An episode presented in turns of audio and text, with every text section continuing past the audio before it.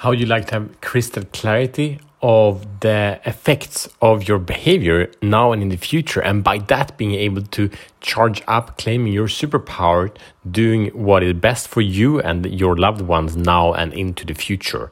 How empowering would that be? So today we're going to show up show up to check in on the area of life mastery that you are committed to level up in and check in on what the results you have created what effects, what costs, what benefits those have, and create a plan for them. So, welcome to Show the Fuck Up Minute. My name is Matt Fyron, and this show is for men that are ready to free themselves from the prison of playing small, and by doing that, unleash their personal greatness. We do this in the four areas that creates a meaningful life, being purpose, passion, power, and profit. So now this week is Life Master Week. And that means that if you didn't listen to yesterday's episodes and the episode before that, go and do that straight away because each episode is a building block to the next one. So I'm taking you through the show the fuck up framework that takes you from overwhelm in any area to life mastery. So we're gonna go through nine steps and it's nine transformation. And yesterday we went through the transformation to go through from a space of illusion, of lies, to this to the space of awareness through truth. And we are on this journey to go from the space of denial to personal power. And now we're in the second step. So go back and listen to the previous episodes if you haven't done that yet. So now we come to the place of cost. And this is super important. Why? Because so many areas of your life, the problem is that so many people are living lives where they have behaviors, where they have habits, mindset, but not Uh, having the desire to change because we're not clear about what is the actual cost, what is the actually effect of this behavior. So, for example, it could be that say you have a partner, and then the question is like, so how are you showing the fuck up for your partner? Are you giving the most outrageous amount of love and appreciation and recognition that you possibly can? If you do that, what will be the benefits over a day, a week, a month, or a decade if you do it every every day what kind of person will you build right? Or on the other side if you kind of neglect that person your your partner your lover if you don't give her that appreciation what will be the cost? It will be conflict it will be frustration it will be tension um, and it will be non-cooperation it might be cheating it might like there's so many different things that you're not aware of that the small actions you do in the everyday that that creates. And for example, so maybe you're not working out the way you want. So what's the cost of that? Okay, yeah, sure. You don't, you're not super fit, but what's the cost over decades over that? How does that affect your, say, love life? How does that affect your business that you become overweight, heart disease, and these things? So all there are no surprises here.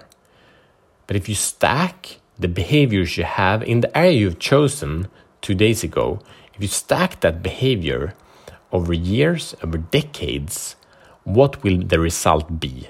Of the thoughts you think, what will, will the results? If you have self doubt, if you have negative self talk, for example, or if you have unclarity, if you don't know where to move, what will be the cost over that? And this is not to, to put pressure on, it's just to check in on the truth. What will actually the cost be here? And what, so, what's the solution? In this area, we're checking on the cost. What's the solution here? The solution is to handle the costs. And you don't need to fix everything about that right now, but just I want you to get clear of the costs and then say, okay, I'm looking into this and I'm gonna take care of it. You know, that's huge. That's huge. You don't need to know how, but it's like, okay, here are the, here are the costs. There will be a way.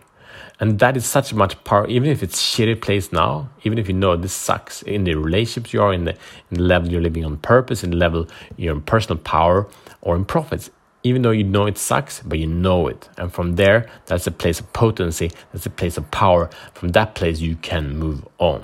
Can you feel that? It's the difference of the man ignoring it. No, life is great, but having millions in debt.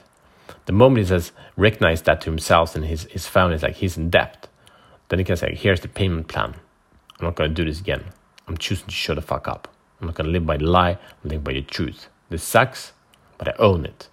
Anyone respects such a man, but a man who is in denial, who neglect the cost, the shit he's creating, it's much more difficult to respect, right? So here's your mission should you choose to expect it. accept it. Here's your mission should you choose to accept it.